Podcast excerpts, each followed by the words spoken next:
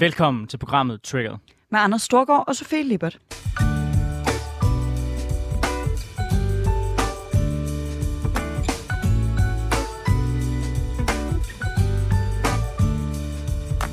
Ja, så er vi tilbage i programmet, hvor vi vender ugens vigtigste politiske historier med gæster, der har skarpe holdninger, store visioner og markante meninger.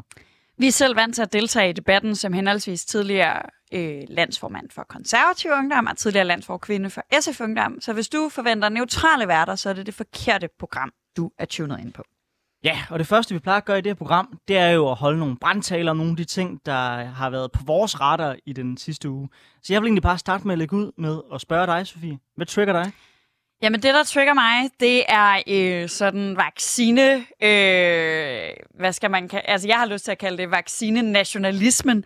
Det er ideen om, at jeg om noget tid, men i hvert fald øh, mine bedsteforældre og snart mine forældre, får tilbudt et tredje stik af coronavacciner, før øh, langt de fleste øh, i det globale syd overhovedet har fået tilbudt et første stik.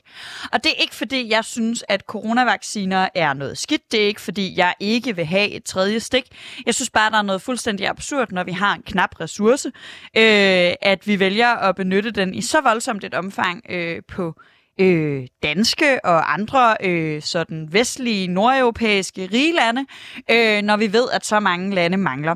Og det synes jeg både ud fra, at jeg, sådan en, øh, jeg synes, det er nationalistisk og nederen ting, men det er jo også en ren rationel, en pisse dårlig idé, ikke at sørge for at få hele verden vaccineret med første stik, før man begynder at lave boosterstik af den simple årsag, at så længe der er en masse uvaccinerede i verden, så er risikoen for nye mutationer, som vil være modstandsdygtige over for de vacciner, vi har, det er meget større.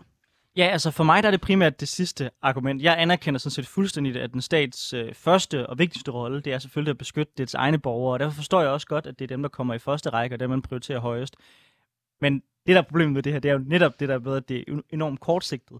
Fordi hvis der er nogle områder, hvor corona får lov til at leve, hvad sker der så? Så kommer der til at komme nye øh, mutationer. Når der kommer nye mutationer, så vil vi også se, at vi skal bruge nye boosterstik. Og det er der ikke nogen danskere, der vinder på. Der er måske nogle medicinalvirksomheder, der kommer til at tjene ekstra mange penge på boostershots, men det er jo ikke noget, der gavner den almindelige dansker. Og derfor forstår jeg egentlig godt, hvad kan man sige, den politiske inkarnation til ligesom at sige, okay, vores borgere først. Men når vi er herude, der hvor vi er i forhold til øh, coronabølgen, og vi kigger på, hvordan coronabølgen bare brager igennem i det globale syd, så tror jeg ikke, at det langsigtet er en særlig god øh, beslutning fra dansk side. Nej, det tror jeg virkelig heller ikke, og der er virkelig sådan en, øh, jamen det er, det er sådan underligt irrationelt, og det er virkelig for mig at se en, en meget symbolsk øh, situation, som virkelig viser, øh, hvor sammenhængende en, en verden vi lever i, hvor global en virkelighed vi lever i, og hvor lidt man kan tage den her... Øh, Denmark first, eller America first, eller whatever first, i en virkelighed, hvor vi er så forbundne, og hvor netop et smitteudbrud i Wuhan for et par år siden øh, har øh, været skyld i en verdensomspændende pandemi og en tilsvarende mutation i et land, som vi ikke har prioriteret at sikre har vacciner nok, øh, kan resultere i endnu en bølge. Jeg synes virkelig, det er en, der, er en, der er en hæftig symbolik i det her, som det undrer mig, at øh, de danske, øh, den danske regering ikke har... Øh, ikke har luret og ikke kan se, hvor absurd er, og at man ikke prioriterer langt højere grad at hjælpe øh, ja, det globale syd med at øh, få infrastruktur og vacciner nok.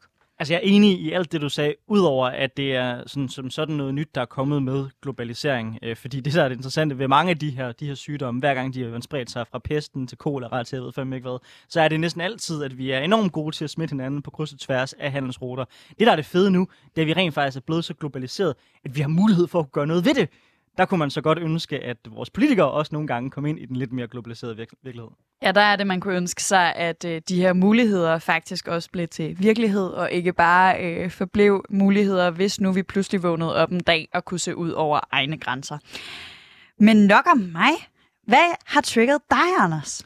Ja, for jeg skal nemlig også kigge ud over de danske grænser. Jeg skal snakke om atomkraft. For som det er lige nu, så står den danske energiregning til at vokse med en tredjedel. Og flere steder i Europa, der taler man faktisk om, at der er risiko for decideret mangel på energi. Det skyldes en usædvanlig blanding af manglende sol og vind i år og høje oliepriser. Normalt så vil man se, at den europæiske energiforsyning den har et ret sådan, stærkt fundament, både i atomkraft og i kulkraft. Jeg er rigtig glad for, at man er ved at udfase kulkraft, Men atomkraft har øh, Tyskland eksempelvis besluttede at, at gradvist begynde at udfase. Og det gør, at man er langt mindre resistent over for de her udsving, der kan komme i forhold til vind og vejr. Og I må virkelig ikke forstå det her som et argument for, at vi i Danmark skal have atomkraft. Jeg anerkender sådan set fuldstændig, at startomkostningerne for et dansk atomkraftværk er så høje, at det giver nogen mening overhovedet. Men jeg synes simpelthen, det er så ja, altså fladpandet, når Danmark så går ned i EU og prøver at presse Tyskland og andre, andre lande til at udfase deres atomkraft. For det er jo faktisk det, den danske position er lige nu. Det er, at atomkraft skal ses på samme måde som kulkraft, og noget, der skal udfases. Og der er der altså rigtig, rigtig mange her blandt FN's øh, klimapanel, der peger på, at vi kommer ikke i mål med den grønne omstilling, og vi risikerer faktisk at se, at vi kommer til at mangle energi, hvis vi prøver at udfase både kul og atomkraft på samme tid. Derfor så håber jeg virkelig, at den her vinter kan være et wake-up call i, at vi i Danmark siger, ja, vi skal selvfølgelig fortsætte med at prioritere vind og sol, men vi skal da ikke prøve at presse Tyskland til at udfase deres atomkraft, for vi har måske brug for et blandet europæisk energimix, hvor de har atomkraft sammen med Frankrig, og vi så eksempelvis har vind.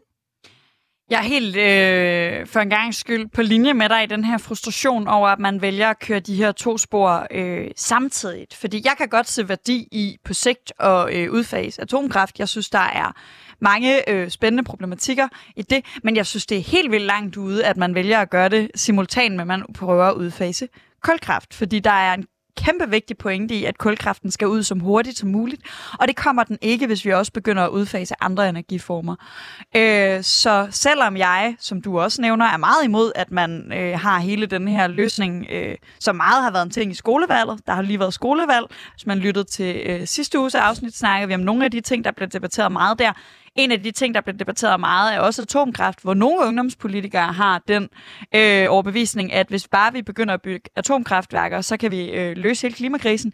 Øh, og det er meget usandsynligt, fordi det er meget dyrt, og der vil gå meget lang tid. Men det er en rigtig dårlig idé at køre så lige så meget, som jeg er imod atomkraft i Danmark. Lige så meget synes jeg også, at det er problematisk, at man vælger at køre en energiform, som lige nu i hvert fald kan være med til at udfase kul helt af sporet. Men Sofie, vil du så ikke anerkende, det er ikke, det er ikke fordi, jeg vil give dig kollektiv skyld for det, som alle SF'er har gjort i alle tider, men at SF og, hvad kan man sige, hvad man sige den grønne øh, græsrådsbevægelse i tidens løb faktisk har spillet, synes jeg, en utrolig negativ rolle i forhold til at skubbe på. Et for, at der ikke kommer atomkraftværk i Danmark, så vi fik enormt meget kul i stedet for, og jo stadigvæk på global plan pres på for, at atomkraft skal udfases. Fordi jeg synes jo netop, at man skyder sig selv enormt meget i foden. Øh, det er jo faktisk det, der har resulteret i, at vi i Danmark er så afhængige af kul. Og kul mm. slår på global plan langt flere mennesker ihjel, og er langt farligere, både for vores sundhed og for vores klima, end atomkraft er. Så har den grønne sådan græsrodsbevægelse, har den måske ikke også en, en vis grad af medskyld i, at vi havnet i den situation? Jeg tror, at noget af det, der har medskyld i det her, det er øh, konflikten mellem klima og miljø, som jeg synes øh, fylder alt for lidt i den offentlige debat, fordi der er rigtig mange steder i vores samfund, hvor klima og miljø øh, er hinandens modsætninger. Det gælder eksempelvis øh, atomkraft, det gælder også for økologi. Økologi er ikke særlig klimavenligt, mm. men det er enormt miljøvenligt. Og tidligere tiders grønne bevægelser har især været miljøbevægelser. Man hører også, jeg øh, morer mig altid over, at ældre mennesker kalder det en miljøkrise, det er det ikke. Det er en klimakrise, vi står mm. overfor. Der er også nogle steder, hvor der er miljøkriser, det er slet ikke det. Men den store globale krise er en klimakrise. Og jeg tror, at en af årsagerne til, at man har været så meget imod atomkraft, øh, er, at man rigtig gerne har ville beskytte miljøet. Og det finder jeg også prisværdigt. Og der findes stadig problemer med affald, og jeg frygter øh, mange ting. Men jeg altså, så, så på den måde har jeg stadig en, en modstand i mig imod atomkraft øh, som miljøskadelig. Øh, men jeg anerkender, at løsningen lige nu, hvor vi har et meget større problem end miljøproblemet, nemlig klimaproblemet, at der bliver vi nødt til ikke i hvert fald at trække de dele, som godt nok er miljøskadelige, ud af vores klimakamp, fordi vi har brug for, at de bliver der til at sikre, at vi kan afskaffe det, der er enormt klimaskadeligt. Og det er enig i, og det er en god pointe, det med klima og miljø. Men alt andet lige må du også stadigvæk anerkende, at også for miljøet, der er atomkraft altså bedre end kulkraft. Fordi kulkraft har en enorm negativ virkning på vores miljø også. Ja, jeg ved, altså der, der må jeg bare sige, det ved jeg faktisk ikke. Jeg ved ikke, hvad der er værst, og, øh, og det er jo også, hvad er værst for luftmiljø, vandmiljø osv.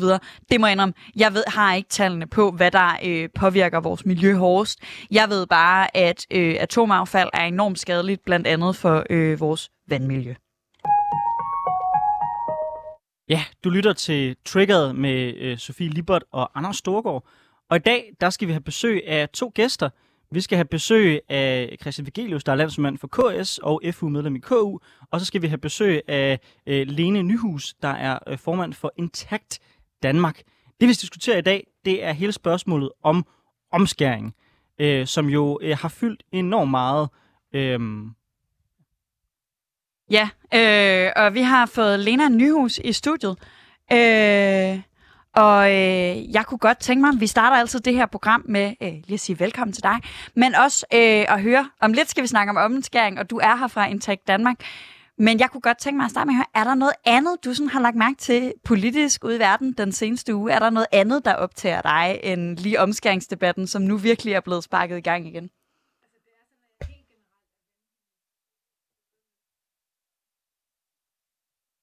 Undskyld, vi har lidt mikrofonproblemer. Den mikrofon, prøver du den der i stedet? Ja. Skal vi prøve en gang til? Ja, det den virker, virker nemlig godt. fedt. Altså, jeg er helt generelt super interesseret i menneskerettigheder og klima og miljø. Men i den her uge, der er det omskæring, der har optaget mig. Jeg har hængt fast i den her debat hele ugen, og har stort set ikke læst andre ting i medierne. Så, Så det har bare været øh, ud over det hele. Ja, jamen... Øh, vi, vi venter lige på øh, Christian Vigelius. Det er derfor, jeg lige træder sådan lidt akavet vande her. Jamen, så, så, så kan jeg egentlig godt tænke mig at høre, hvordan kommer man ind i den øh, debat i, i den første omgang? Hvad fik dig til at kaste over netop det her emne? Er det noget, du har haft tæt på øh, din familie? Er det måske en ven? Et eller andet? Altså, hvad, hvad får dig til, undskyld, jeg vil sige det som kvinde, at kaste over lige netop den her dagsorden? Altså nu er jeg jo først og fremmest menneske. Jeg har også kønsorganer. Jeg har også en forhud. Jeg kan sagtens forestille mig, hvad det vil sige, hvis nogen skar min forhud af uden øh, mit samtykke. Men jeg kom faktisk ind i debatten via sekulariseringsdebatten. Hvor meget skal øh, religion og riter fylde i vores øh, samfund?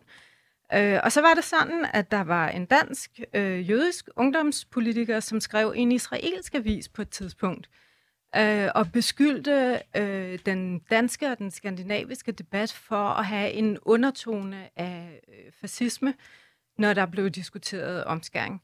Øh, og det stod i en øh, israelsk avis, der hed The Jerusalem Post. Og der tænkte jeg, fanden edme nej. Altså det vil jeg simpelthen ikke have siddende på mig, at jeg og hovedparten af Danmarks befolkning går ind for, at man ikke skal skære i raske børn, fordi vi skulle være fascister. Altså hvad er det for noget?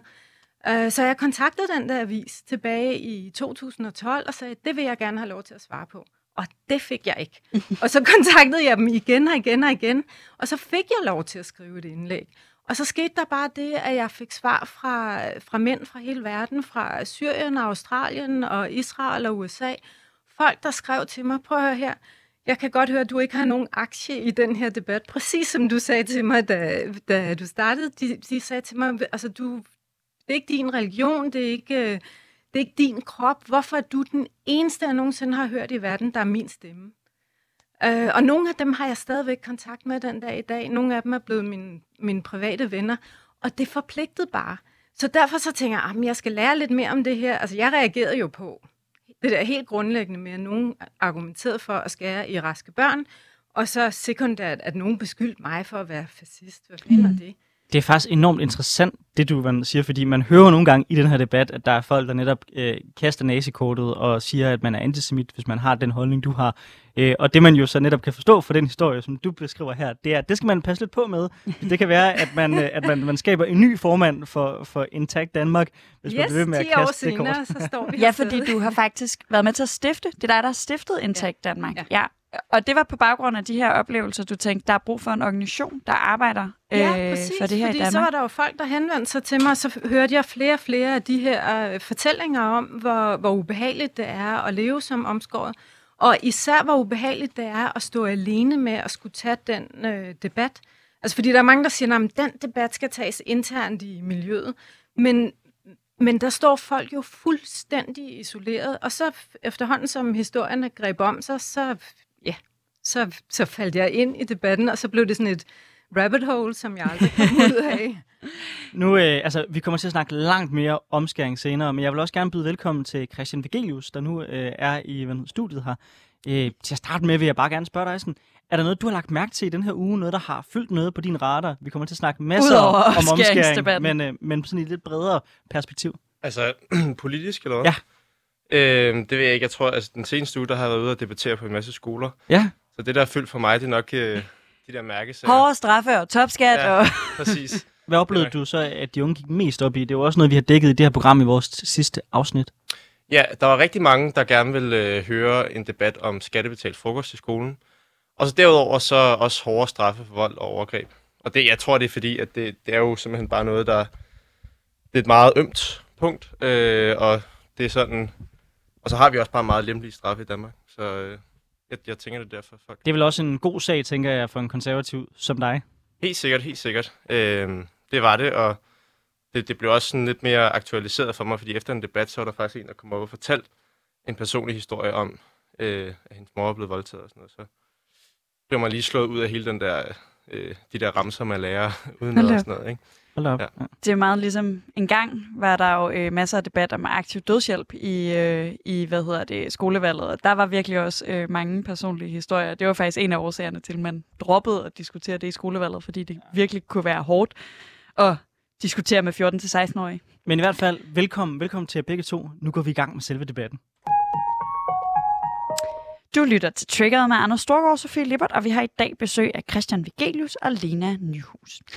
Og vi skal snakke om TV2's nye dokumentar Omskæring bag lukkede døre. Den har i den seneste uge skabt øh, stor debat, særligt en scene i dokumentaren, hvor en mand uden nogen form for lægefaglig ekspertise forbereder at omskære en lille dreng med en brænder og en rulle toiletpapir til at tørre op med bagefter. Det har skabt en del røre, og de stærke scener har fået debatten om omskæring til igen at vokse frem.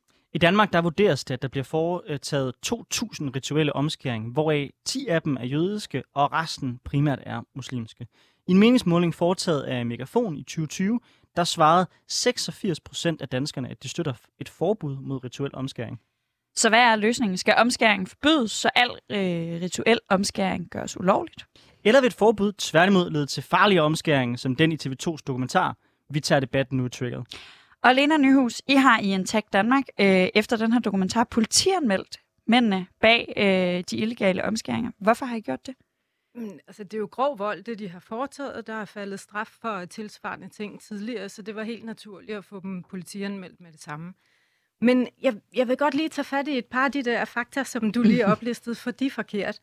Jeg ved godt, der tit bliver sagt, at der bliver omskåret ca. 2.000 raske drenge herhjemme om året, men det er fordi, man benytter tal fra Styrelsen for Patientsikkerhed, hvor de alene regner børn med, hvor begge forældre er første eller anden generations tilkommer til Danmark. Og det vil sige, at alle de forældre, som får børn i blandet forhold, og alle de forældre, som får børn nu, fordi de er tredje generation, deres børn bliver ikke regnet med. Hvis vi regner dem med, så er det langt flere børn, vi taler om, og så er det formentlig over 3.000 børn om året, Dis, disse tal, jeg brækker frem, de kommer fra TV2, øh, men øh, som har dem fra Styrelsen for Ja. Patientsikkerheds vejledning om ikke-terapeutisk omskæring af raske børn. Så jeg kender de tal Mm. til øh, fingerspidserne. og i øvrigt så nævnte du også, at der bliver foretaget, at ud af de her omskæringer, der vil cirka de 10 af dem være på drenge med jødiske forældre, mens resten vil være på drenge af muslimske forældre. Det er heller ikke korrekt. Den næststørste omskærende minoritet i Danmark er folk med kristen baggrund, ikke folk med jødisk baggrund. Det er den absolut mindste omskærende minoritet herhjemme. Vi har folk med filippinsk baggrund, etiopisk baggrund, irakisk baggrund, øh, palæstinensisk baggrund, som er kristne og som omskær. Så der kører bare helt vildt mange forkerte påstande rundt i den her debat. Og det er ikke en bebrejdning af jer, fordi jeg kan godt se, hvor I får tallene fra. Hovedparten af dem skyldes simpelthen, at det her emne er, kan man sige, belyst med mørkelygten af, mm. af Styrelsen for Patientsikkerhed. Og det her tal på 2.000, der er kommet frem, det er jo kommet frem, fordi vi har presset og presset og presset. Fordi indtil for nylig påstod de, at de kun var 1.000 drengebørn, der blev omskåret om året. Og det er også noget vrøvl. Det væsentligste tal, der så er at tage fat i, det er, hvor mange af dem her bliver så registreret rent faktisk. Øh, og indtil for nylig var det cirka 800 omskæringer af raske børn, der blev registreret hvert år. Nu er tallet formentlig op på cirka 1000 øh, omskæringer af raske børn om året. Og det vil sige, som absolut minimum, må vi sige, at halvdelen af de omskæringer af raske børn, der foregår herhjemme hvert år, og formentlig langt flere, foregår illegalt allerede. Alright. Øh, de her tal kommer som sagt fra TV2, der har dem, som du mm. også rigtigt påpeger fra Styrelsen for Patientsikkerhed. Jeg er sikker på, at vi kan diskutere også øh, den måde, de opgør det øh, rigtig, rigtig længe. Men jeg vil egentlig gerne flytte fokus tilbage på TV2's dokumentar. Øh, hvad tænkte du, da du så, at de her ting kom ud? Altså, øh, nu har I politianmeldt dem, men altså, øh, mener du, at det er kendetegnende for sådan, hvad kan man sige, et bredere fænomen, der foregår i Danmark, eller er det her mere et eksempel på, hvad kan man sige, et meget grovt, ekstremt tilfælde, og som ikke er sådan kendetegnende for generelt, hvordan tingene foregår i Danmark? Jeg ved, at det er øh, kendetegnende for noget, der foregår løbende. Og det er jo blandt andet derfor, at jeg lige oplistede, hvor mange illegale omskæringer eller ikke registrerede omskæringer, der foregår herhjemme om året. Fordi det er jo formentlig langt over 1000, der foregår øh, illegalt eller ikke registreret. Øh, og der er også kommet andre sager frem, som, som TV2 har dækket efterfølgende. Øh, omskæringer foretaget af læger, hvor der har foregået komplikationer, som har været livstruende eller invaliderende for børnene. Og det er de samme læger, som har foretaget de her omskæringer igen og igen, og som alligevel slipper afsted med at gøre skade på det næste barn og det næste barn og det næste barn. Fordi sagen er, at det ikke kun de illegale omskæringer, der er farlige, det er også legale omskæringer. Og samtlige omskæringer, uanset om de bliver udført legalt eller illegalt, er krænkelser af de her raske børns grundlæggende rettigheder. Christian Vigelius. Nu øh, har vi hørt, øh, hvad Lena, en, en masse viden Lena har om det her, men jeg går ud fra, at øh, du også øh, blev meget påvirket af den her dokumentar. Øh, hvad, hvad tænker du om, øh, om hele den her debat, der nu blusser øh, helt klart blusser op igen, og det vil helt klart igen øh, være til stor debat, at øh, ja, 86 procent af danskerne går faktisk ind for, at vi sætter en aldersgrænse øh, på ikke øh, medicinsk nødvendig øh, omskæring. Tænker du, at der er brug for at tage debatten en gang til? Altså, jeg synes, det er helt fint at kigge på øh, at skærpe kravene for, hvordan det skal foregå. Men altså, for mig at se, så er det jo en principiel debat. Altså, det, det er en etisk debat. Øh, og altså, jeg har haft debatten mange gange. Øh, og også nogle gange, så, så har den været mere på tal, og så kan jeg vise en undersøgelse, der viser, at det ikke har nogen helbredsmæssige konsekvenser. Og så kan nogle folk fra eksempel Intact Danmark øh, komme med nogle andre undersøgelser. Øh, men sagen er den, at grundlæggende set, så handler det om principper. Øh, det handler netop om øh, sådan, det der forhold mellem individets ret, ret til egen krop over for religionsfrihed og ja, hvad siger man, individets ret til ligesom at blive født ind i en, i en sammenhæng, i en kultur, i en familie, øh, tradition. Øh, og der må jeg bare sige, at jeg synes ikke, at det vil være hensigtsmæssigt at lave et forbud. Øh, jeg kan ikke rigtig se, Altså for det første, så, så synes jeg ikke, at det, det er nødvendigt. Altså jeg tænker, at altså det at være jøde betyder helt utrolig meget for jøder, sjovt nok. Øh, og det betyder også mere, end det gør for også at være dansker, ved at våge at påstå. Altså det er simpelthen en meget mere, det er en stærk kultur, og man har nogle helt bestemte værdier, traditioner og regelsæt. Og hvis der du fratager den enkelte jøde muligheden for at indgå i det her fællesskab, og selvom man kan synes, det er super mærkeligt, og jeg tænker også, at det er derfor 86 procent af danskerne synes, det er mærkeligt, fordi jeg som udenforstående, så er det da et spøjst ritual, men det er bare en grundlæggende øh, del af det at være jøde, og det har det været de sidste 2.000, 3.000, 6.000 år. Øh, så altså...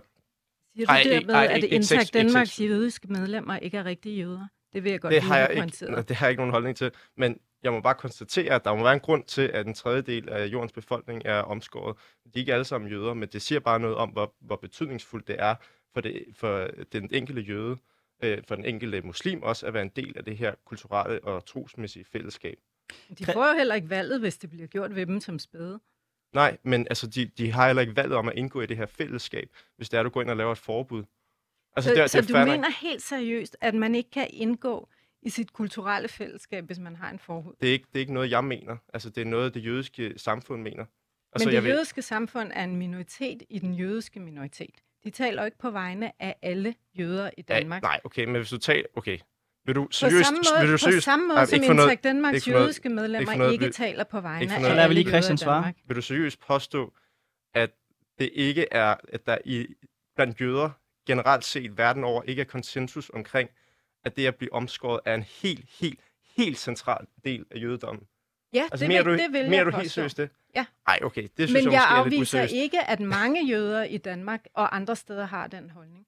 Ikke desto mindre, så kan du se, at i Danmark har vi mellem 6 og 10.000 jøder, Altså, afhængig mener- af, hvordan man opgør tallene. Okay. Men der bliver kun omskåret 5-10 drengebørn med jødisk baggrund i Danmark. Men Lene, Så omskæring er ikke helt så central i jødedommen som i Danmark, som du påstår lige. nu. Alright, nu, nu, nu rører vi meget over i en snak omkring jødedom. Øh, Vi kommer lige tilbage til det bredere perspektiv igen, men jeg vil bare lige starte med at spørge dig, Lene. Altså, er det ikke rigtigt nok, at hvis man ser både historisk, og man kigger på nogle af de, hvad kan man sige, religiøse autoritetsfigurer, der er også inden for jø- jødedommen, øh, så er der jo ikke nogen tvivl omkring, altså hos dem, om at omskæring er en del af den jødiske tro. Så du kan jo have ret, ret nok i, at der er jøder, der fortolker deres religion anderledes. Men de store figurer inden for reli- religionen har vel historisk set også ment, at det var en del af jødedommen. Det anerkender du vel, Det tænker er jeg. fuldstændig. Selvfølgelig anerkender jeg det. Jeg kunne godt tænke mig at høre, Lena, fordi øh, nu siger Christian, at han går ikke ind for et forbud. Vi har de her øh, 86 procent, der gør. Er det Intact Danmarks mål, at der skal være, jeg antager, at I er med på en aldersgrænse, og ikke et sådan generelt forbud, også for voksne mennesker, der selv kan bestemme over deres forbud. Er det jeres mål, at der skal være en aldersgrænse for at øh, blive omskåret, hvis ikke der er medicinske årsager til det, på 18 år? Yes, det er præcis det, vi arbejder for. Plus, at vi arbejder for en seriøs forebyggelsesindsats. Du lytter til Triggeret med Anders Storgård og Sofie Libert, hvor vi har besøg af Christian Vigelius og Lene Nyhus. Og det er allerede en debat, må man sige, som er kommet godt fra for en start, og hvor der er skarpe holdninger her i studiet. Ja, og en af de ting, vi diskuterer, det er et forbud øh, mod at omskære drengebørn øh, uden deres samtykke. Øh, og en af de øh, frygter, vi hører, øh, når vi snakker om de her forbud, det er frygten for, om det i virkeligheden vil bane vejen for endnu flere af de her øh, tilfælde, vi så i TV2's dokumentar. Eksempelvis er øh, Danmarks nye venstrefløjsparti, Fri Grønne, øh, imod et øh, forbud. De skriver sådan her på Twitter. Denne type omskæringer er allerede ulovlige, og Fri Grønne støtter på ingen måde op om uautoriseret kirurgi. Fri Grønne er modstander af et forbud, men mener selvfølgelig indgrebet øh, skal udføres af en kirurg. Sandsynligvis vil et forbud bane vejen for flere ulovlige indgreb. Lena Nyhus fra Intact Danmark, er du ikke bange for, at et forbud øh, i virkeligheden ender med at resultere i flere af de her øh, uautoriserede, ubehagelige øh, øh, ja, overgreb øh, forårsaget af folk uden faglig baggrund, øh, og at det, at det er lovligt i Danmark, faktisk sikrer, at der trods alt er en vis andel øh, af de drengebørn, der bliver omskadet, der bliver det under nogle ordentlige, sterile, lægelige forhold. Nej. det er det korte svar. Det lidt længere svar er, og det var derfor, jeg oplistede alle de her tal til at starte med. Langt de fleste omskæringer, der foretages på raske drenge i Danmark i dag, foregår uregistreret og for manges vedkommende illegalt. Altså enten i udlandet eller illegalt herhjemme. Så vi har altså en majoritet af omskæringerne af raske drenge, som trods muligheden for det, man kalder ordnet forhold, fortsætter med at omskære illegalt. Der ved vi fra andre former for lovgivning, blandt andet lovgivning om pigeomskæring, at samme sekund man indfører lovgivning, indfører oplysning og benytter lovgivningen til rent faktisk at sanktionere, at så sker der et massivt fald i omskæringerne. Det sker ikke på én gang, og det sker ikke, hvis man glemmer at forebygge, men hvis man laver både lovgivning og forebygning, så sker der et massivt fald i omskæringerne. Og det er jo simpelthen, fordi langt de fleste mennesker, også fra omskæringskulturer, er ikke, altså har ikke noget ønske om at være lovbryder, så hvis de ved, at der er en lov med nøjagtig samme straframme som for alle andre lægemsangreb på kroppen, om de foregår på kinden eller ballen eller hvor det er, så stopper man, når man ved, at man risikerer seks års fængsel. Sådan er det. Så du er på ingen måde bange for, at øh, et forbud vil lede frem til, at der vil ske flere illegale øh, overgreb, som det vi ser i den her, det, den her dokumentar? Nej, men jeg vil ikke påstå, det, jeg, man skal ikke tro, og man skal ikke udlægge det som om, at jeg siger, at så sker der ingen illegale øh, omskæringer. Fordi selvfølgelig vil der være vil der være lovbrud, det er der ved enhver anden lov, vi kender. Men antallet af illegale omskæringer vil falde, når vi får en lovgivning. Ja, det, det er jeg så ikke helt enig i. Jeg synes også, at det der eksempel med pigeomskæring er rigtig dårligt. Fordi det viser jo netop, at du negligerer det her med, hvorfor det er, at drengebørn bliver omskåret. Det er jo fordi, at det, det står jo i, altså i deres hellige skrifter, at det er det, det, det, det, som er udgangspunktet for at være jøde. Det, der står ikke noget om pigeomskæring. Så det er klart, at det, det vil have en anden effekt. Og at stå og påstå, at der ikke vil komme flere illegale omskæringer, hvis man ulovligt gør det, det synes jeg simpelthen, det er fuldstændig negligere, hvor meget det, her, det betyder for jøderne. Christian, nu bliver jeg nødt til at bryde ind her. Øh, du nævner konstant nærmest udelukkende jøder. Ja. Øh, og bare lige for at være helt skarp på, hvad din holdning til det her emne er. Altså, når jeg nævnte de her, de her vandtal med, det var et fåtal af dem, der blev omskæret, der var jøder, så var det også øh, for ligesom at bringe ind i debatten, at det jo typisk er jødedom, der fylder meget, men er det afgørende for dig, at det er jøder, der er tale om her? Altså, er det et mindre problem, fordi det er jøder, end hvis det, lad os sige, som der også blev benævnt her, også er kristne og muslimer? Altså, hvis det her nu udelukkende var noget, vi så blandt kristne og muslimer, vil, vil det så forandre din holdning til emnet? Altså, du, du, du nævner næsten hele tiden jøder. Ja, ja, ja men, men det er også, altså, altså man siger, grundlæggende set, så er der også en forskel på øh, den betydning, som omskæring har i islam og i jødedom, øh, hvor i jødedom er det decideret religiøs ritual, hvor i islam så er det et, et kulturelt øh, ritual. Så der er, en, der er en forskel der. Men jeg må da også bare være helt ærlig at sige, altså sådan, selvfølgelig, jeg tror også, det er, det er nok en af de største grunde til, at det ikke er forbudt i Danmark, at fordi at jøderne har været her i 400 år. Altså sådan, og altså, man kan godt synes, det er et fjollet, øh, sådan, hvad siger man, partikulært øh, argument, øh, men, men det er bare faktuelt sådan, at det har været i 400 år, øh, og det har altid været tilladt. Så der er forskel på at gå ind og forbyde noget, der altid har været tilladt over for et folk, der har været i 400 år, end hvis det aldrig havde været tilladt i Danmark, og der så kommer en ny befolkningsgruppe til, og gerne vil, have, øh, altså gerne vil praktisere det her. Der er en afgørende forskel for dig, som jeg forstår det, på, på netop det religiøse hensyn og det kulturelle hensyn, fordi kulturen er en, der er blevet taget til Danmark. Øh, altså ikke sådan, nu kommer vi med vores kultur her, men bare de mennesker, der omskærer sig kulturelle hensyn, det er typisk folk, der et vist antal generationer tilbage er kommet til Danmark. Det er ikke en dansk kultur typisk at omskære. Det er et religiøst hensyn. Og det er religionen, du gerne øh, vil passe på. Jamen, jeg tror bare, jeg har det grundlæggende sådan, at øh, altså for 400 år siden, så blev jøderne inviteret til Danmark, og de har integreret sig, øh, selvfølgelig beholdt deres, øh, altså, hvad siger man, øh, deres kulturelle øh, værdier og alt det der, men de har, altså, det har aldrig været, altså, der har altid været øh, fredelig sameksistens med jøderne, altså sådan, og, og jeg synes, det ville være mærkeligt, hvis det var, at man gik ind nu og sagde sådan, okay, I har været i 400 år, I har bidraget til det danske samfund, I er en del af os, I er en del af det danske fællesskab, nu vil vi gå ind og forbyde, som det eneste land i verden, vil vi gå ind og forbyde det ritual.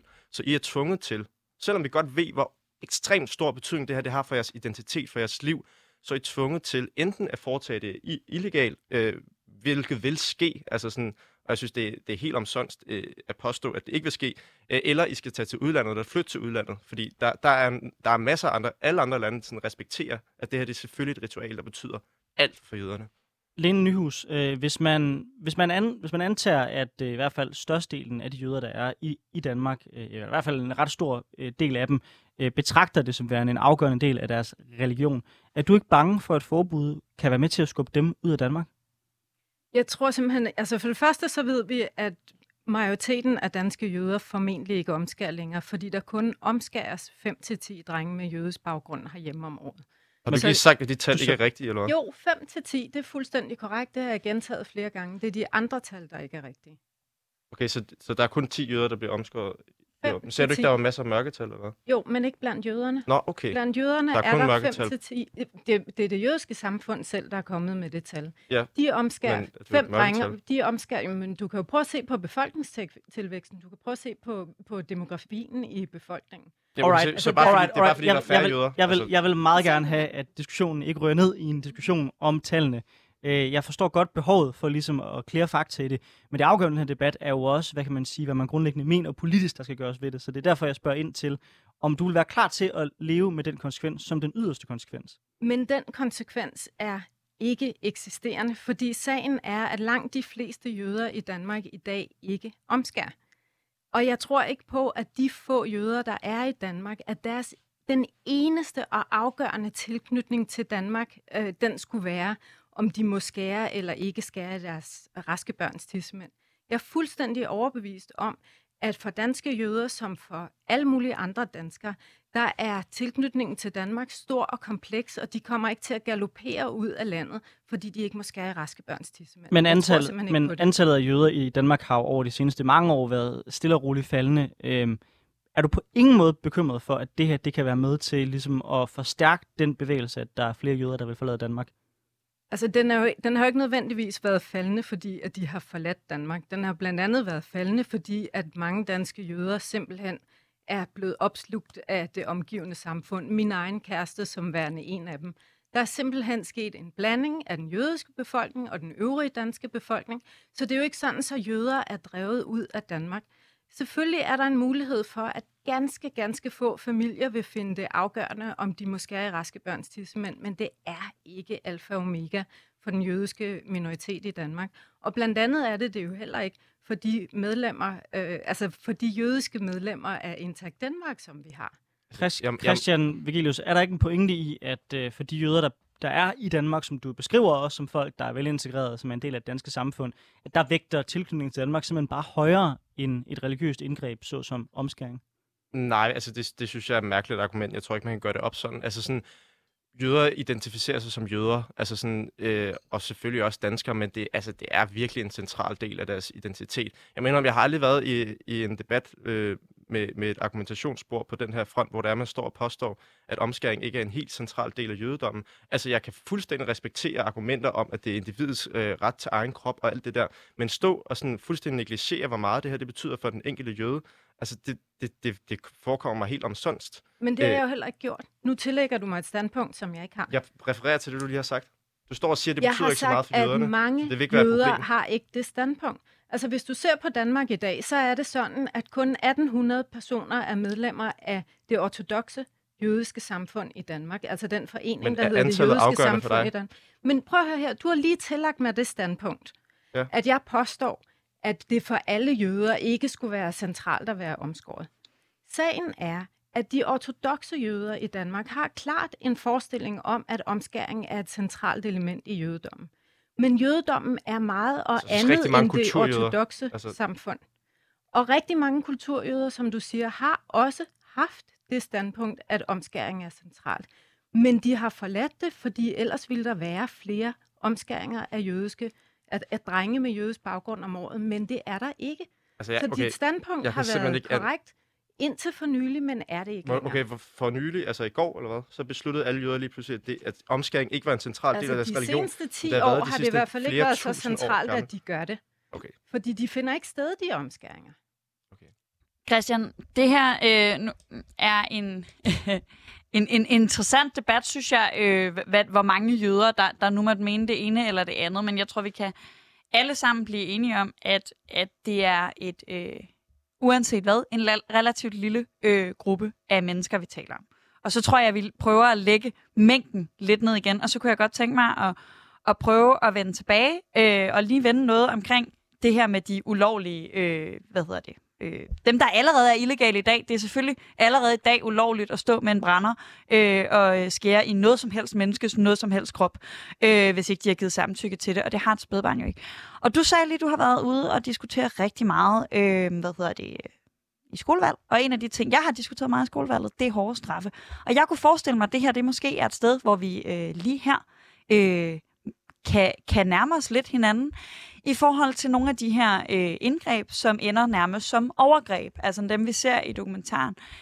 Kunne du, øh, kunne I finde fælles fodslag, måske her øh, i dette studie, om at de mennesker, der begår nogle meget voldsomme, øh, hvad hedder det, ja, indgreb slash overgreb, at vi under alle omstændigheder, uanset om vi indfører et generelt forbud, eller, det, eller bliver ved med at lade det være i orden med, med lægefaglig øh, bistand, øh, at så de mennesker, der gør det uden lægefaglig bistand, der skal vi gøre noget seriøst for et, at nedbringe de her øh, kulturelle, hvor man nægter, øh, eller religiøse, hvor man nægter at have lægefaglig bistand, øh, nedbringe dem og straffe de mennesker hårdere, der udfører dem. Altså, hvis man gør noget ulovligt, så skal man straffes. Det, det er det korte svar. Og generelt, skal man også straffes hårdere end i dag for det? Øh, altså, jeg, jeg ved ikke, hvad strafferammen er lige nu, må jeg indrømme. Øh, men altså, generelt synes jeg, vi har nogle meget lempelige straffe i Danmark, så det kunne du nok godt overtage mig til. Altså det straffes i henhold til paragraf 245a, det er den paragraf, man kalder grov vold. Og det vil sige, at straframmen er op til 6 års fængsel. Så jeg synes sådan set, at straframmen er god nok. Der sker ikke ret mange anmeldelser af de her forhold. Heller ikke, når børnene bliver indlagt på hospitalerne med komplikationer, fordi mange hospitaler vælger at glide lidt let hen og, og lidt let og elegant hen over de her øh, sager. Øhm, og så er der et forhold, som jeg synes er meget problematisk. Når der sker illegale omskæringer, når der sker en anmeldelse, så er det typisk alene af den person, der har omskåret. Man retsforfølger ikke de forældre, der har valgt at gå til en illegal omskærer øh, og få foretaget de her indgreb, selvom loven øh, rummer mulighed for det. Og jeg mener, at når man, øh, når man tager initiativ til og bistår til en ulovlig handling, og ofte simpelthen med vold og magt holder børnene nede, mens indgrebet foregår, så skal man straffes. Er du enig i det, Christian? Ja, altså jeg mener, jeg, jeg kan ikke lige gennemskue, hvad der er retspraksis, og normalt, hvor, hvor langt man, altså hvor mange leder man går ud og straffer, men altså jo, hvis de gør noget, altså det, jeg har ikke, jeg har ikke noget andet at sige til det, end hvis man gør noget ulovligt, skal man selvfølgelig straffes. Et af de forslag, den her debat har afstedkommet, det er jo øh, spørgsmålet om, øh, hvorvidt at øh, det skal, nu skal være et krav, at sådan nogle øh, operationer som det her, eller hvad vi skal kalde det, overgreb vil, vil nogen andre kalde det, øh, bliver foretaget øh, af en læge på et dansk hospital. Det er noget, der virkelig har delt vandene også. Øhm. Lige nu er reglerne sådan, at der skal være en læge til stede, øh, når man foretager et indgreb, men der er ikke nogen regler om, at det skal være en læge, der foretager det. Og sidste år, øh, i 2020, der øh, nedsatte man faktisk en ekspertgruppe, der skulle lave nogle nye retningslinjer.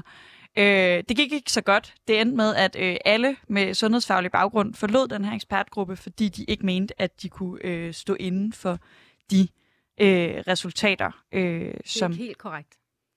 Var det ikke dem alle sammen? Nej, var der nogen der tilbage? Blev, der blev, der blev Men der var mange, der forlod ja, dem. Der blev inviteret seks sundhedsfaglige selskaber. Det var urologer, øh, kirurger. Og fem af dem forlod og, det? Nej, seks af dem forlod det. De to læger, der blev siddende, er læger, der tjener penge på at omskære. Så Sundhed, Styrelsen for Patientsikkerheds vejledning om ikke-terapeutisk omskæring af raske børn er udarbejdet med to læger, som tjener penge på det, mens alle de sundhedsgrupper, som rent faktisk skal rette op på de her skader, der sker, og som skal forebygge dem, det er også jordmøder og sundhedsplejersker osv., de trækker sig. Men og, Lene Nyhus, jeg kunne så godt tænke mig at høre dig, det, det der bliver foreslået nu, at det skal, øh, altså, det skal foregå på et dansk hospital, hvor står I hen i den diskussion? Fordi på den ene side, så kan man jo sige, at det gør, at det foregår under mere ordnet forhold. På den anden side kan man sige, at så bliver den danske stat også meget mere en aktiv part i selve indgrebet. Hvor placerer I jer i den debat? Altså, vi mener ikke, der skal foregå statsautoriseret overgreb på børn. Så vi mener bestemt ikke, det skal foregå på hospitalerne. Og det mener hospitalerne jo heller ikke selv. Det er derfor, man har stoppet at udføre omskæringer på danske hospitaler. De er ikke blevet udført på hospitalerne siden 2002. Så kan vi kigge på, hvad man har gjort i andre lande. I 2014 indførte man lovgivning i Norge, hvor man netop sagde, det skal foregå under såkaldt ordnet forhold. Det skal ind på hospitalerne. Og det betød så, at alle de sundhedsfaglige grupper i Norge, de sagde, vi vil ikke være med til at begå overgreb på raske børn. Vi nægter at udføre de her overgreb. Hvorefter alle indgrebene blev udliciteret til de klinikker, som man havde fjernet dem fra til at starte med. Så man, man er simpelthen tilbage ved øh, fuldstændig ligegyldig symbollovgivning, som lægger hele ansvaret over på, øh, på lægerne og øh, sundhedsplejerskerne, som skal sige fra i den her sammenhæng. Og i et, i et sundhedssystem, vi har, der er så presset, som det er i dag, er det også grotesk at tænke sig, at man skal lægge operationer af raske børn ind i et system, hvor syge mennesker venter utrolig længe. Og så synes jeg også, det er vigtigt at have fat i, at tal fra Rigshospitalet viser, at selv hvis det er landets dygtigste børnekirurger, som foretager de her indgreb, så er der 5,1 procent af børnene, som lider af svære komplikationer, som får behov for genoperation, som får behov for behandling for, for infektioner. Altså, det, det er ikke bare et lille niv i tidsmanden, som Martin Krasnik så berømt har kaldt det, og det er ikke ukompliceret, bare fordi det bliver lagt ind på et hospital. Det er og bliver en krænkelse af barnets rettighed, som indebærer risici. Christian Vigelius, du er øh, konservativ studerende. Øhm, hvad tænker du i forhold til det her forslag om, at det skal foretages på de danske hospitaler? Nu kan du høre fra Lena nogle af de erfaringer, der er eksempelvis fra Norge. Øhm, gør det indtryk på dig? Øh, nej, altså jeg vil sige, jeg tror, at Interact Danmark, de har en agenda, og så bruger de ligesom bare alle argumenter, også selvom at, at de ikke altid sådan, øh, er lige holdbare. Altså også det her med at sige, at fordi vi har lange ventelister på hospitalerne, så skal vi forbyde omskæring. Altså sådan, det kommer jo sige til virkelig mange ting. Altså sådan, det her det er jo en principiel diskussion, og vi som land skal tillade, at, øh, at jøder øh, og muslimer øh, omskærer deres børn. Altså, og på et principielt plan, ja. hvor stiller du dig i spørgsmålet om, om det skal foregå på danske hospitaler? Jamen, jeg har det sådan, altså jeg har intet imod, at man, at man laver så skarpe krav til det som muligt, øh, så længe man kan udføre det religiøse ritual. Øh, så ja, altså, jeg er ret sikker på, at der også skal være nogle jøder, til der, et x antal vidner til stede. Og, altså sådan, jeg har det sådan, fint, lav så mange krav som muligt. Jeg synes, det er jo det åndssvagt, at man bruger det der eksempel fra dokumentaren, fordi det er jo ulovligt i forvejen, mm. så det, det er jo altså virkelig et dårligt argument for, at man skal indføre et forbud. Men en af årsagerne til, at de her mange sundhedsfaglige grupper forlod den her ekspertgruppe, det var, at de ud fra netop religiøse og kulturelle hensyn, ikke kunne få lov til at indføre det, de ud fra en øh, lægefaglig øh, vurdering vurderede var den nødvendige øh, bedøvelse. Altså for at sikre, at øh, de her spædbørn ikke øh, kunne mærke noget under operationen. Øh, jeg forstår lysten til at tage hensyn til både kulturelle og religiøse mindretal, men jeg tror, den knækker meget for mig øh, på det her med, med med bedøvelse. Altså hvis der er nogle lægefaglige, der siger, jamen det her barn, det vil kunne mærke det, hvis ikke vi får lov at gøre mere. Bliver vi ikke også nødt til, uagtet at du gerne vil tage det hensyn, der er ikke at indføre et forbud, og insistere på, at i Danmark, der skærer vi ikke i, i folk øh, uden samtykke, uden bedøvelse? Nej, men altså, sådan, jeg, jeg må bare øh, læne mig op af, at altså, det, det her ritual er blevet foretaget virkelig, virkelig mange gange. Altså, halvdelen af alle amerikanske mænd er også omskåret. Øh, så, og du kan finde øh, lægepersonale, som siger, at den er helt gal, og du kan finde lægepersonale, som siger, at det er fint, og så kommer Intact Danmark og undergraver deres integritet ved at sige, at de tjener penge på et eller andet. Altså sådan, hvilket jo altså sådan, er sådan lidt omsonst. Altså det, det er jo sådan rent konspirationsteoretisk. Sige, alle dem, der er imod mig, øh, alle dem, der er uenige med mig, de har en eller anden øh, skjult agenda, og de tjener penge på et eller andet. Altså sådan... Men der var seks grupper, der forlod den her øh, ekspertgruppe. Seks grupper af forskellige fagligheder indenfor. Der var nogen, der arbejdede med bedøvelse, nogen, der arbejdede med børn, nogen, der arbejdede med urinrør. Der var seks grupper, der valgte at forlade, og to læger, der blev siddende. Så der, altså uanset hvad, var der en ret bred repræsentation af folk, der sagde, det her, det er ikke forsvarligt, hvis ikke vi får lov at lave nogle retningslinjer, der er anderledes, der er strengere omkring, hvor meget det her øh, barn må mærke af operationen. Men det, det synes jeg også er fint, at man laver strengere krav, men altså, som du også selv siger, 86 procent af alle danskere er imod det. Øh, og, og for mig at se, så er det ikke et, nødvendigvis et argument for, at man skal forbyde det. Altså, jeg tror, det her det handler grundlæggende set om, at Danmark er et det, meget... Det, det, her var jo, det her var jo folk med fagkundskab, som ja, ja. Man siger. Jo, jo. Det var jo ikke almindelige danskere, der sad i det her... Nej, nej, men, men det er jo også et normativt spørgsmål. Altså sådan, og du, du, du, du kan ikke påstå over for mig, at, at de her eksperter ikke også selv har en holdning til det her, som også påvirker deres beslutninger. Så, men man indgår så tidligere, vel ikke i... så, så, så, tidligere, når du sagde, når, når Lena sagde, at der var nogle folk, der havde økonomisk interesse, så var det en konspirationsteori. Men nu hører jeg dig stille spørgsmålstegn ved øh, de her, der Nej, forlod jeg siger bare, alle er normative. Lægefaglige grundlag, det er jo på lægefagligt basis, at de indgik i det arbejde. Det var jo ikke, ja, og det, det var jo ikke læge... som, som normativ øh, det, det er vel også på lægefaglig basis, at de to læger blev. Det er også på lægefaglig basis, at øh, Styrelsen for Patientsikkerhed siger, at der ikke er voldsomme helbredsmæssige konsekvenser ved det her indgreb.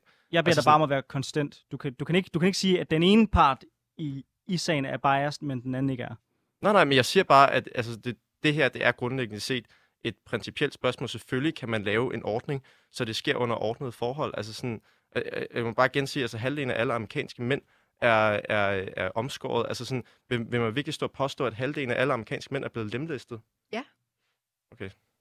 Hvis der bliver skåret noget af dig, uden at du er blevet spurgt, så er det jo en lemlæstelse. Det er det, hvis man skærer noget af din kind, det er det, hvis man skærer noget af din balle, og det er det, efter min overbevisning, også hvis man skærer noget af din penis, uden at spørge dig først. Og jeg kan godt lige love dig for, at hvis nogen skærer noget af min forhud, uden at spørge mig først, så føler jeg mig også lemlæstet.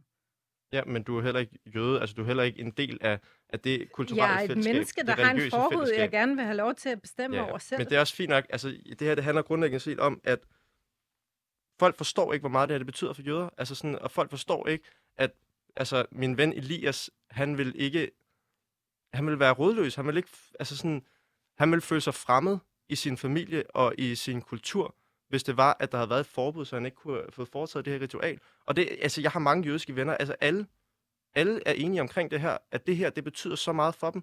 Og, og for dem at se, så er det et virkelig, virkelig, virkelig lille harmløst overfladisk indgreb i forhold til altså det, der betyder alt for dem, som er deres identitet, som er deres ret til at være en del af et fællesskab, som giver deres mening liv, øh, giver deres liv mening, hedder det. Som, altså, det er jo... Så hele deres jødiske identitet ville være bortfaldet, hvis de havde fået lov til at beholde deres naturlige forhud. Det vil ikke føle sig på, på lige fod en del af det her fællesskab som alle andre. Og du kan godt gå ind og pille alle ting ud og sige, jamen hvorfor skal de også øh, gøre det her, hvorfor skal de gøre det her, hvorfor skal de gøre det her. Hver enkelt ting kan måske forekomme ubetydeligt, særligt hvis man ikke altså, kender jødedommen, og særligt hvis man ikke selv er en del af religion, men det betyder alt for dem. Og der må man bare sige, altså det her, det er et virkelig overfladisk indgreb, men det er ikke et overfladisk indgreb i, for jøderne. Altså det, det, det, det betyder alt for dem at være en del af den her religion, og hvis vi forbyder det, så forbyder vi også jødedom i Danmark. Det gør vi. Og vi vil være kendt hele verden over som det land, der forbød jødedommen i Danmark. Christian, hvor, hvor går grænsen øh, for, for de her religiøse hensyn i din optik? Fordi man kunne jo sagtens hævde, at, at hvis du siger, at øh, den personlige ret til ikke at blive for eksempel skåret i, at den ligesom sættes på standby, fordi det religiøse fællesskab er vigtigst. Hvad hvis man har en religion, for eksempel? Det er der jo flere, der har, som praktiserer flere koneri. Altså det, det tillader vi jo øh, ikke i Danmark øh, på den vis. Øh, der, er jo, der kunne også være en religion, der på andre måder øh, havde nogle praksiser, der gik imod sådan, den almindelige danske lov, lovgivning. Mener du altid, at det religiøse hensyn bør vægte højst? Eller hvor sætter du grænsen i forhold til, hvornår går sådan de almindelige frihedsrettigheder øh, forrest, og hvornår går religion forrest? Det er et godt spørgsmål, og det er skide svært at svare sådan totalt firkantet på. Øh, altså, øh, fordi nej, nej, selvfølgelig skal vi ikke øh, tillade alt, som, som en eller anden øh, eks-religion dikterer. Øh, så det er virkelig, virkelig svært at sige. Og det er også derfor, at selvfølgelig så skal man også tale om proportionalitet. Altså det bliver man nødt til. Øh, og der må jeg bare konstatere, at det er et, et overfladisk indgreb, som betyder utrolig meget for jøderne, som har været her i 400 år. Og, sådan, og man kan godt synes, det her det er nogle mærkelige øh, pseudo-argumenter, og sådan noget, men, men, men det er bare sådan, som situationen er i dag. Øh, og der må man bare sige, ja, der går grænsen for mig. Lena, her til sidst, så kunne jeg godt tænke mig at høre dig, øhm, om der er nogle skridt på vejen, vi kan tage. For du kan høre, Christian er i hvert fald ikke klar på at indgå et kompromis på de her ting. Er der noget som andet end et forbud, som du ville føle var et skridt på vejen? Kan vi gøre noget, som gør øh, situationen bedre nu, udover at indføre en aldersgrænse på 18 år? Altså indtil videre, så har vi opnået, at forældre skal oplyses om, hvis de får, der, får omskæringen foretaget hos en læge, at barnet kan komme til at leve eller, øh, og hvad hedder det, gennemgå livstruende komplikationer og muligvis endda dø af indgrebet. Og vi har fået indført, at der skal være øh, livsreddende udstyr til stede på klinikkerne, fordi man kan dø af omskæring, og mange børn er tæt på at dø af omskæring hvert år, men heldigvis bliver reddet. Og så kunne vi gå i gang med at lave en massiv oplysningsindsats øh, hos sundhedsplejersker, hos jordmøder, hos praktiserende læger, på daginstitutioner, skoler. Der er masser, vi kan gøre, og så kunne vi sætte ind med rent faktisk ikke bare at retsforfølge dem, der omskærer børnene, men også at retsforfølge de forældre, som tager initiativ til omskæringerne. Tusind tak, fordi I begge to ville tage den her debat med os. Det var en sand fornøjelse at have besøg af dig, Christian Vigelius, og dig, Lena Nyhus.